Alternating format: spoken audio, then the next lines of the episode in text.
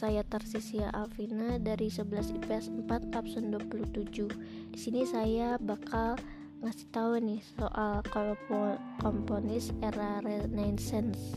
Nah, sebelumnya kita cari tahu dulu apa nih zaman Renaissance.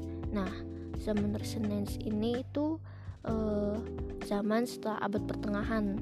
Renaissance ini artinya itu kelahiran kembali terus tingkat kebudayaan tinggi yang telah hilang pada zaman Romawi.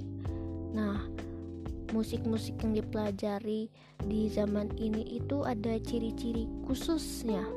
Contohnya e, nyanyian soal percintaan sama nyanyian keperwiraan. Nah, sebaliknya di zaman ini musik gereja malah mengalami kemunduran.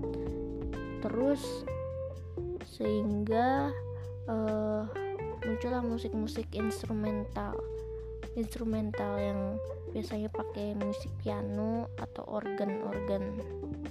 Nah ada nih komponis komponis-komponis pada zaman pada zaman Renaissance. Di antaranya ada Giovanni Gabriel terus Galilei Claudia Monteverdi dan Gian Battista Lully.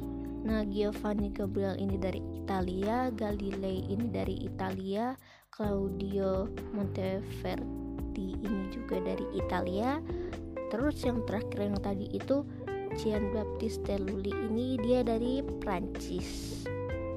Nah, itulah komponis-komponis yang ada di zaman Renaissance. Terima kasih sudah mendengarkan.